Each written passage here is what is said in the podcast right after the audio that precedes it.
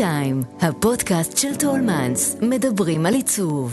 מגיש איתי כץ. עוגה כשהיא טעימה, היא טובה, ואתה מרוצה ממנה, ואתה לא יכול להגיד, וואו, איזה יופי, הקמח היה מצוין, הביצים היו אחלה.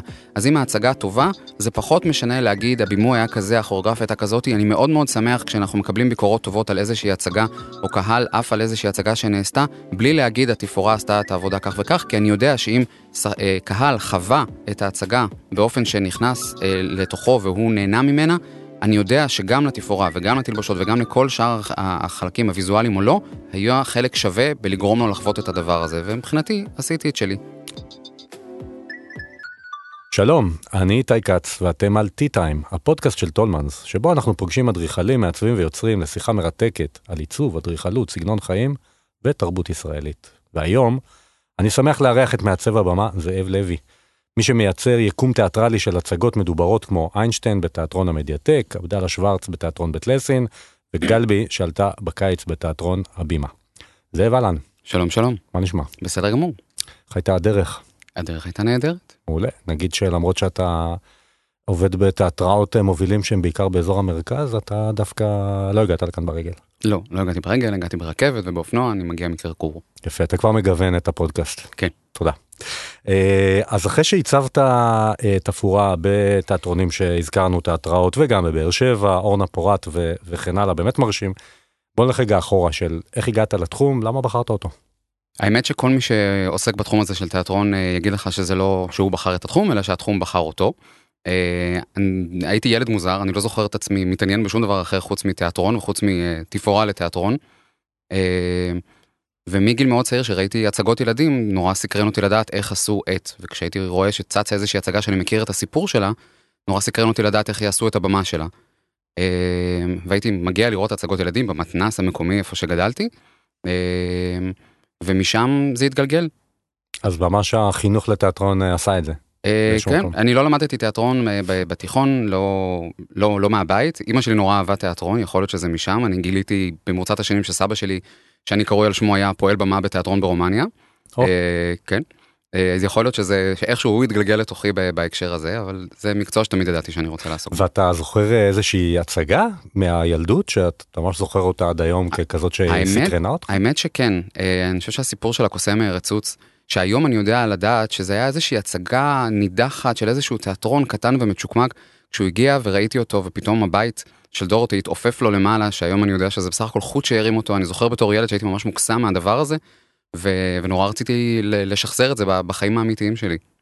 ואז זה מגיע הזמן או הגיל שבו אתה, אתה מחליט בעצם לעשות עם זה משהו, אז מה זה היה לעשות עם זה משהו עם החלום הזה?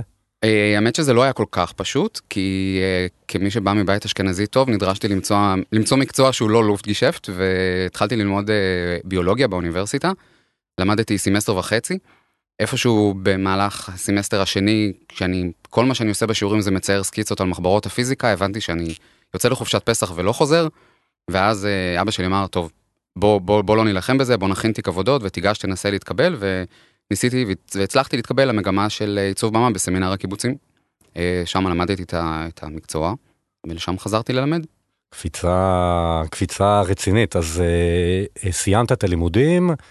מה בעצם הייתה נקודת ההתחלה, ההצגה הראשונה שעיצבת לה תפאורה? מה היה בעצם הפרויקט הראשון? האמת שהעבודות הראשונות עוד לא היו ממש עיצוב, אלא אני התחלתי בתור אסיסטנט, כמו שהרבה מעצבים מתחילים. אני הייתי תלמיד מאוד מאוד חנון ומצטיין, והמורה שלי, מעצב הבמה האגדי רוני טורן, פרופסור רוני טורן, אה, לקח אותי בתור אסיסטנט לכנר על הגג שהוא עשה לפני, אני חושב שזה היה כמעט 20 שנה, אה, ושרטטתי לו ובניתי לו מודל והגעתי איתו לבמה, ו...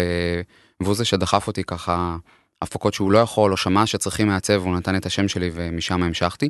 ועשיתי הצגות ילדים קטנות בהתחלה, התחלתי בתיאטרון השעה, בתיאטרון אורנה פורט, כל מיני הצגות קטנות כאלה ומשם, אה, משם זה התגלגל. ומה הייתה נגיד ההצגה שאתה מרגיש או יודע שהייתה איזה סוג של אה, נקודת פריצה מבחינתך עד היום? וואו, אה... אם הייתה כזאת, אולי זה פשוט היה מסלול מאוד... זה היה אה, מסלול של דברים שמתגלגלים אחד אחרי השני, אני גם אה, נשלחתי לגרי בילו, אה, המנוח שהיה המנכ"ל המיתולוגי של בית צבי, עם, עם, עם לפטופ וחולצה מכופתרת וישבתי והצגתי לו את תיק עבודות שלי מבית הספר והוא נתן לי לעצב שם הצגות ושם זה באמת התגלגל הצגה אחרי הצגה אחרי הצגה. עשיתי שם לדעתי יותר מעשר הצגות באותה שנה והוא גם גם הוא נתן לי ככה את הפוש לדבר הזה. זה היה ממש מרוץ אחרי עצמך אז אני לא יכול להגיד שהיה איזשהו משהו שהיה נקודת אה, נקודת המפנה שלי אני כן יכול להגיד שעומרי ניצן. אה, שהיה המנהל האומנותי של תיאטרון הקאמרי, עשה לי את החיבור עם מי שהיה אז העוזר שלו, הבמאי נועם שמואל, שהיום הוא המנהל האומנותי של תיאטרון המדיאטק, ואיתו התחיל באמת רומן שנמשך עד היום, ואנחנו עובדים כ- כצוות יוצרים מאז. אנחנו מדברים כאן בעיקר עם אה, מעצבים ואדריכלים, אה, וזה מעניין לשמוע ממך אה, איך תהליך מתחיל. זאת אומרת, איך בכלל מתחילים לעבוד על, אה, על אה, תפאורה? באיזה שלב אתה נכנס, ואם אתה יכול טיפה לשתף אותנו באיך התהליך הזה מתרחש. אה, כן, בגדול אנחנו אומרים שהצגה נולדת כמו אבא ואימא, ויש במאי ומעצב שאיתם מתחיל הכל. זאת אומרת, אתה מקבל טלפון, אומרים לך, אתה רוצה לעשות כך וכך. אני תמיד אומר כן, אני עוד לא ברמה שאני יכול לבחור לעצמי עבודות. אה, ומתחילים, קוראים את הטקסט, בשלב הראשון זה קריאה כזה בשביל הכיף, ואחרי זה אתה מתחיל לגלגל מחשבות, לצייר קצת לעצמך, אה, אתה מתחיל שיחות עם הבמאי, ממש מהשלב ההתחלתי, מה הוא רוצה לעשות עם הדבר, מה הוא חושב שצריך לעשות, אתה מביא את האינפוט שלך לדבר הזה, ואז אתה, אתה מתחיל לעבוד בעצם בשני מישורים, גם במישור הטכני של מה צריך בהצגה. אנחנו צריכים משרד, אנחנו צריכים בית, אנחנו צריכים סצנה במכונית, אנחנו צריכים חילוף מהיר וכולי וכולי, וגם כמובן הפן האומנותי, מה אני רוצה להביא לתוך הדבר הזה, ואיך אני, באמצעות החזון שלי, מאפשר את ההתנהלות הנכונה של השחקנים על הבמה, כדי שהבמה יממש את החזון שלו. אז זה בטח דיאלוג מאוד מאוד צמוד עם הבמאי. מאוד, נכון? מאוד. מהרגע הראשון, זה, אתה לא, זה לא כמו שיעורי בית, שאתה מביא למישהו משהו והוא נותן לך ריג'קטים ואתם דנים במה עשית נכון ומה עשית לא נכון. זה, זה פינג פונג כזה בלתי פוסק שמתחיל משרבוטים אה, בבתי קפה אה, על מפיות או על ניירות או דברים שאתם שולחים בוואטסאפ אחד לשני, אה, וזה נגמר בסקיצות אה, יותר גמורות ובתפאורה בסופו של דבר על הבמה. תגיד, אה, סתם מעניין, על איזה תקציבים אה, מדובר? אנחנו ככה יותר מכירים כאמור את העולם של האדריכלות וה... ועיצוב הפנים או עיצוב גרפי בתיאטרון. הצגה גדולה, הצגה בהבימה, הצגה בהקאמרי. זה, איזה נו, תקציב עומד לרשותך? זה נורא משתנה. אה, כי אפשר לעשות, קודם כל מחירי התפאורות עלו מאוד בשנים האחרונות, ממש חומרי הגלם, אה, וזה נורא משתנה בסוג של התיאטרון, תיאטראות ילדים או תיאטראות נושאים, יש להם תק- תקציב מסוים. זה יכול להתחיל, מכ... זה אפ- אפילו יכול להיות כמה אלפי שקלים לבתי ספר למשחק, ואפשר לעשות פלאים באלפי שקלים. אה, הצגות ילדים יכולות להיות כמה עשרות אלפי שקלים, ות- והצגות ממש גדולות יכולות להגיע למאות אלפי שקלים תקציב ייצור של התפאורה. אה, בוא ניקח נגיד איזה הצגה לדוגמה. שאולי אה, נדבר על, ה... על התהליך, אולי איך, איך יצרת לה את, ה... את ה vision של, ה... של התפאורה, יחד עם הבמאי, מה, מה היה ה vision שלך? אפשר לקחת איזושהי הצגה שבא לך, הזכרנו קודם את אה, גלבי למשל, אבל זה יכול להיות גם כל אחת אחרת. האמת שאם אם לדבר על הצגה שיש בה איזשהו אה, פיצוח ויזואלי, אז, אז אפשר לדבר על, אה, על איינשטיין, אוקיי. שעלתה בתיאטרון המדיאטק. אה, זאת הצגה לנוער, שבעצם היה שם איזשהו ניסיון גם להביא פתרון טכני להמון המון חילופים, זאת הצגה קצת אפית, זה מספר על איינשטיין ממתי שהוא נער עד שהוא נהיה מדען גדול, וזה עובר בלוקיישנים אה, רבים, כמו הבית שלו והכיתה ותחנת רכבת וכל מיני דברים כאלה שבקולנוע היה פשוט מצלמים בלוקיישנים שונים. אה, גם להביא את הסיפור הזה וגם להביא עוד איזשהו אינפוט ויזואלי לתוך הדבר הזה ובאמת מה שהצלחנו ליצור על הבמה זה מעין אה, מצפן מאוד גדול שהוא הבמה וכל מיני אלמנטים שמסתובבים ונעים בחלל קצת כמו גרמי השמיים שגם מהם אה, איינשטיין התעסק ועשינו איזשהו שימוש כפול גם במצפן פיזי שבסיפור עצמו הילד מקבל מצפן מאבא שלו וזה איזשהו אביזר שהולך איתו לאורך כל ההצגה וגם החיבור למצפן הפנימי של הילד שנותן לו אה, את הכיוון בחיים, כי הרי איינשטיין היה איזשהו סיפור שהוא כילד אה, נשאר, אה, הוריו עזבו והוא נשאר איפה שהוא גדל כדי ללמוד, וה, וזה מה שכאילו הלב שלו אמר לו, עזוב את ה... תתרחק כרגע מהמשפחה, תתמקד בלימודים שלך. אז עשינו איזשהו חיבור של פיצוח ויזואלי של אה, גם מערכת השמש וגם המצפן שנמצאים על הבמה.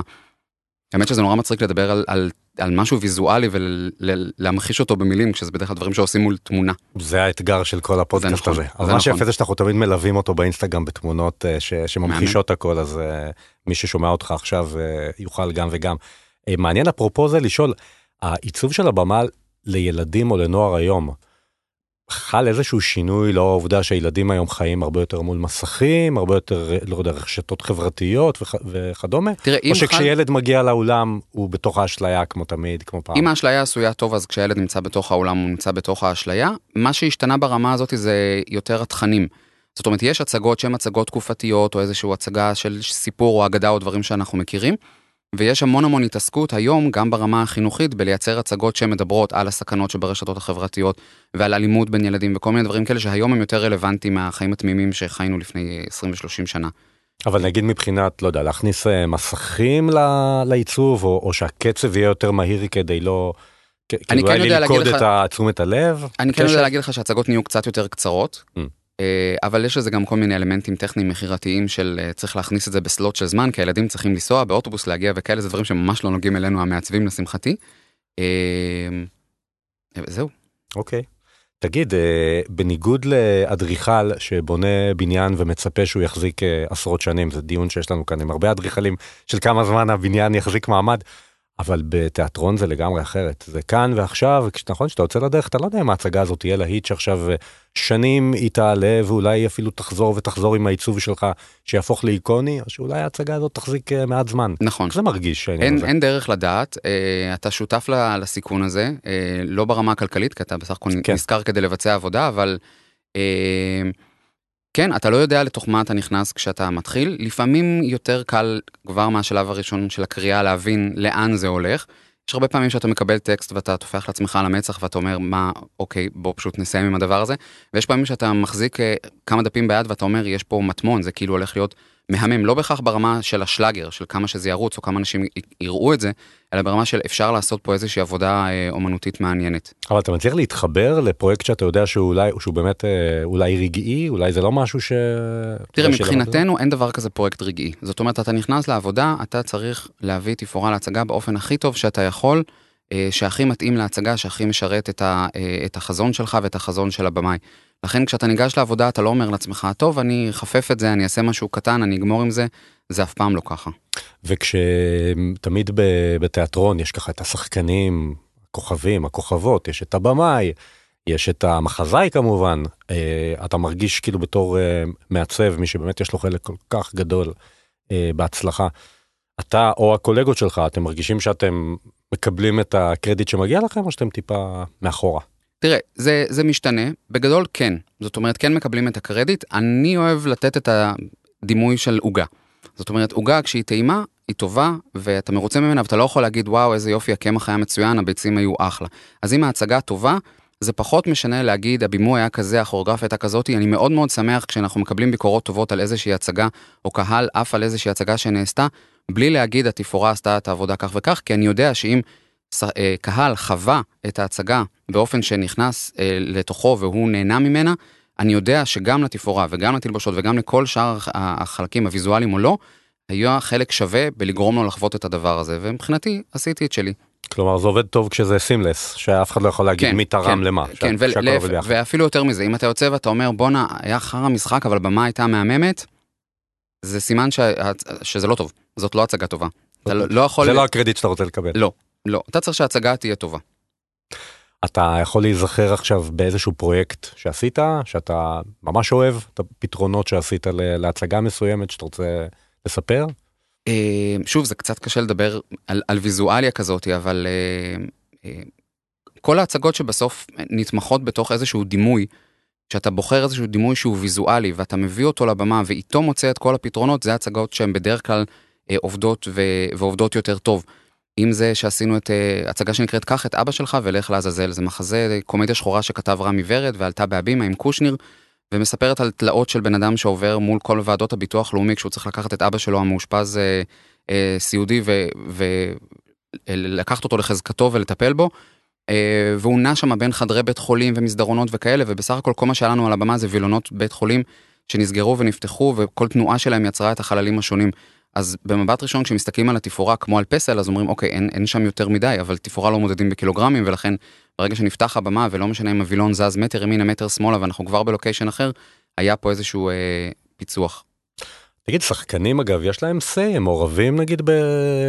ממש תוך כדי חזרות, שיש איזה עניין שלא יודע, פתאום רואים שאולי התפאורה לא עובדת, אה, משהו מתחרבש, או שזה לא קורה זה, אף פעם. זה תלוי בסוג ההצגה. אה, יש הצגות שהן ממש הצגות אנסמבל, ואז אה, מתחילים את החזרות בלי שיודעים בכלל איך נראית התפאורה. אה, ואז השחקנים יחד עם הבמאי ויחד עם המעצב ששותף מלא לתהליך הזה, הם מייצרים את החלל. בתיאטרון יותר קונבנציונלי, כששחקנים נכנסים כבר לתהליך חזרות, זה כבר אחרי שהבמאי אישר יחד עם המעצב את המקט, את המודל של התפאורה מול התיאטרון, ואז השחקנים יודעים בדיוק בתוך איזה חלל הם נמצאים. יחד עם זאת, אה, יש להם רמת say כי הם בסופו של דבר אלה שזזים על הבמה. אני לא חושב שזה ברמה של בואו נשנה את הקונספט כי לא מתאים לי, אבל, אה, אבל כן, אה, אנחנו בכל זאת, זה עולם של בני אדם. זאת אומרת, הם לא פועלי בניין שבונים לנו את, ה, את הבניין, מהמם. הם שחקנים שאמורים בסופו של דבר לעמוד על התפאורה הזאת אל מול הק- הקהל ולעשות את העבודה שלהם הכי טוב שהם יכולים. אז יש בינינו איזשהו דיאלוג מסוים, זה קצת יותר קיים בתחום של עיצוב תלבושות. ככל שהדבר יותר קרוב לשחקן, אז אה, הוא מרגיש שיש לו יותר say, לא תמיד יש לו, אבל הוא מרגיש שיש לו יותר say. אני פתאום נזכר בסדרה חזרות שהייתה בטלוויזיה לפני, בתקופת הקורונה. כן. ויש לי את הדימוי שנשאר לי מה, מהקופסאות האלה, מה, מהארגזים, שהם עוברים דירה, מהקור, מהקרטונים בעצם, נכון. שהם עוברים אה, דירה. נכון. והיה שם איזה עניין, כאילו, של איך הם, אה, זה עובד להם, לא עובד להם. ואם אני חושב, כאילו, מה נשאר לי, נכון שזה טלוויזיה, אבל זה טלוויזיה על תיאטרון, כאילו, נורא נשאר לי ה image הזה באמת של אה, שני שחקנים, ספה, אה, קרטונים. כאילו, אני מניח שגם, בטח אה, אתה כ- כמעצב של הדבר האמיתי, כאילו, של, של תיאטרון, בטח יש את העניין הזה של, וואלה, כשהצופה ייזכר בהצגה הזאת כעבור אה, שנה, אולי כעבור חמש אפילו, שהוא יזכור איזה משהו שהיה על הבמה, כי, נכון? כי הזיכרון שלנו הוא בדרך כלל מתחיל מזיכרון ויזואלי. יש פעמים שאתה זוכר איזשהו משפט שנאמר, דברים כאלה, אבל בדרך כלל העין קודם כל, אה, העין קודם כל זוכרת. אז אם יש איזשהו, אה, אה, איזשהו דימוי שתפס את הקהל והוא הולך איתו הלאה, אה, אני אגיד הפוך, אם אתה מצליח למצוא את הדימוי שילווה את כל ההצגה, במקרה הזה, כמו בחזרות, את הנושא של הארגזים, או אם אתה יוצר איזושהי מכונת במה, או אם אתה יוצר וילונות, או אם אתה יוצר איזשהו תא כלא, או וואטאבר, שהוא זה שמלווה את כל ההצגה, בדרך כלל אלה הדברים אה, שנשארים. שוב, זה לא משהו שאנחנו מחפשים, אבל אנחנו, אה, אנחנו שמחים אם, אם, אם החוויה הזאת עוברת כולה. איזה שיתוף פעולה עם אה, במאי, מחזאי, שחקן, הוא זה שכאילו מעיף אותך, שאתה מרגיש שהוא מפרה אותך. אה, יש, יש אנשים כאילו שאתה מרגיש שבאמת נותנים לך את השאר הרוח הזה, את ההשראה. כן, האמת שעם עם הזמן אתה יוצר לעצמך את, ה, את החברים, חברי העבודה שלך, ש, שכשהם צריכים אותך הם קוראים לך, לא תמיד. אה, יש את נועם שמואל שהזכרתי את השם שלו, שהוא הוא במאי שממש אני איתו מתחילת הדרך. רועי שגב שעושה היום המון טלוויזיה, אה, גם איתו עבדתי המון, הוא בן אדם נורא נעים לעבוד איתו. יש כמובן אה, יוצרים מהתחומים האחרים שהם לא במאים כמו אביה בש, שהיא מעצבת תלבושות, שלמדה איתי בסמינר והיום היא עושה חייל בכל התיאטראות הגדולים. אה, יחד איתה, בוא נגיד יחד איתה יצאו לי הבמות הכי יפות.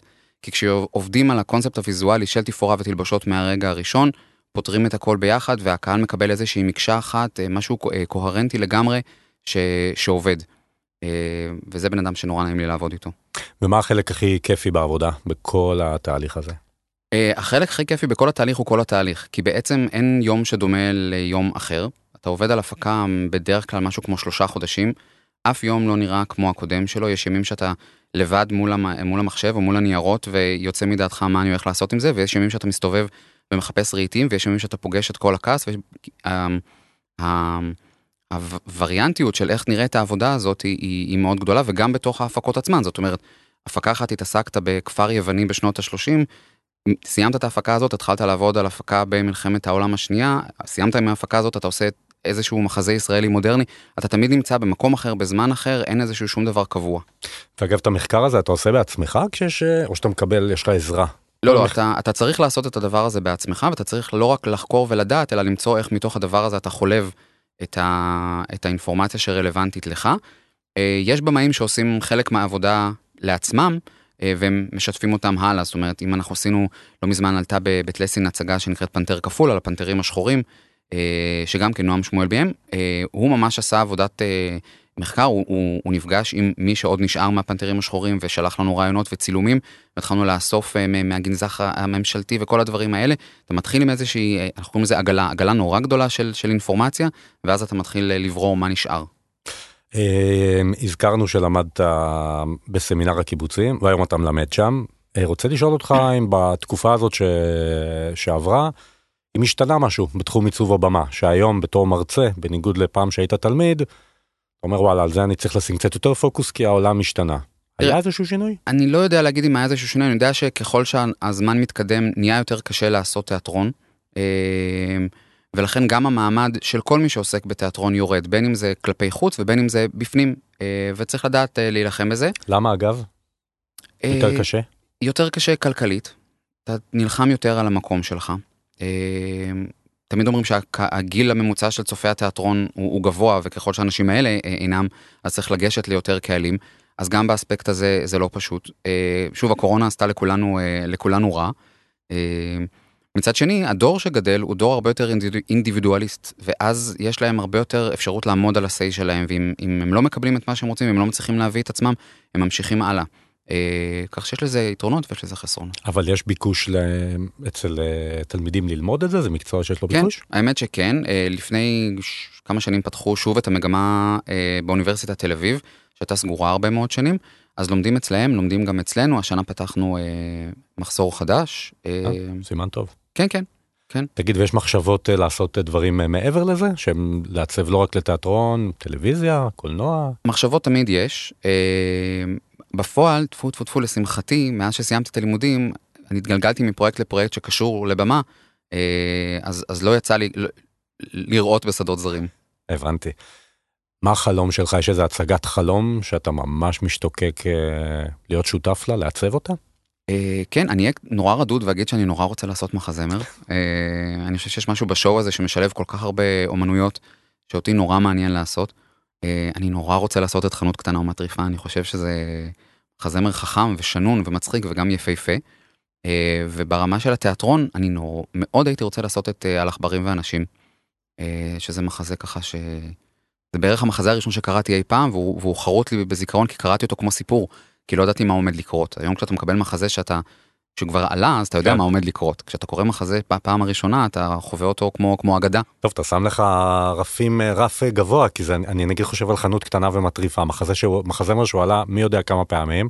אתה הרי לא תרצה לעצב אותו כמו שעשו רבים לפניך, אתה בטח תרצה כבר לחשוב, נכון? על איזה נכון, משהו מקורי שלך. נכון, וזה, וזה תמיד ככה, גם כשמעלים מחזה שקספירי בין 400 שנה, שוב מעלים אותו לא כמו שהעלו אותו, לא לפני 400 שנה וגם לא לפני 5 שנים. אה, אז כן, אה, האתגרים האלה זה הדבר המעניין, זאת אומרת לבוא ולעשות אה, טלוויזיה בתיאטרון, מה שנקרא הצגות סלון או מלון, זה אתגר מסוים. איך זה נקרא? סלון או מלון. סלון או מלון? אנחנו קוראים לזה סלון או מלון. יש הצגות שקורות בסלון של בית. ועשיתי כאלה, אני מת על זה, כי יש בזה עבודה שהיא היא הפוכה לגמרי ממה שנוהגים להקנית את זה, שזה לא עיצוב במה. אה, יש הקפדה לפרטים ו- ו- והתעסקות במזנסצנה ובתנועות ובקווי כוח על הבמה, שקהל לא מודע לזה כשהוא רואה סתם סט של בית. אה, אבל זה ז'אנר... קווי כוח על הבמה? קווי כוח? על הבמה, הכוונה לדאוג, הרי מה אנחנו עושים בעצם כמעצבי במה? אנחנו לא מקשטים. זה לא ש... השלב שבו אתה בוחר צבעים ורהיטים ודברים כאלו הוא השלב האחרון. אתה קודם כל צריך לדאוג שהשחקנים יוכלו לנוע על הבמה באופן שמשרת הכי טוב את החזון של הבמאי. זה משנה מאיפה נכנסים, מאיפה יוצאים, איזה כניסה יותר משתמשים בה. אה, זה מה שנקרא קווי כוח, זאת אומרת שהשחקן נכנס מצד X ויוצא לצד Y, יש לו תנועה מסוימת על הבמה. אני מכתיב, אני יוצר לו את לוח המשחק הזה על הבמה. אה, ולכן גם כשעושים, כשעושים חלל פתוח לגמרי, יש חוקיות מסוימת, וכשעושים חלל שהוא חלל ריאליסטי, כמו חלל של בית, יש לו חוקיות אחרת שאתה, תפקידך אה, לקבוע אותו. אם אתה מחליט שדלת הכניסה לבית קרובה לדלת הכניסה לחדרים, יש לזה אימפקט מסוים על הקהל, ואם אתה מחליט להרחיק ביניהם, אתה מייצר תנועה אחרת של שחקן על הבמה. אה, אז זה ככל שיהיו יותר שחקנים זה יהפוך למורכב יותר? או לא. שלא בהכרח? לא, גם הצגות אה, יחיד יכולות להיות אה, מאוד מסורבלות אה, לפתרון. אה, זה בדרך כלל, שוב, למעצבי תלבושות יש יותר כאב ראש כשיש יותר שחקנים. לנו אה, זה נורא תלוי אה, גם חזון של הבמאי. זאת אומרת, גם הצגה שיש לה אה, עשרה לוקיישנים שונים, אפשר לפתור אותם בעשרה סטים שונים, או שאפשר למצוא את הדבר האחד הזה שיוכל לשמש אותנו אה, לכל הלוקיישנים, ו, וזאת העבודה באמת. וואו, מעניין מאוד.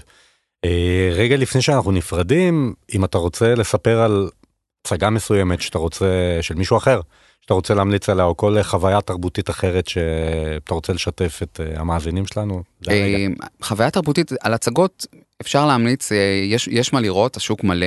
אני דווקא רוצה לשלוח אנשים לראות דברים של סטודנטים.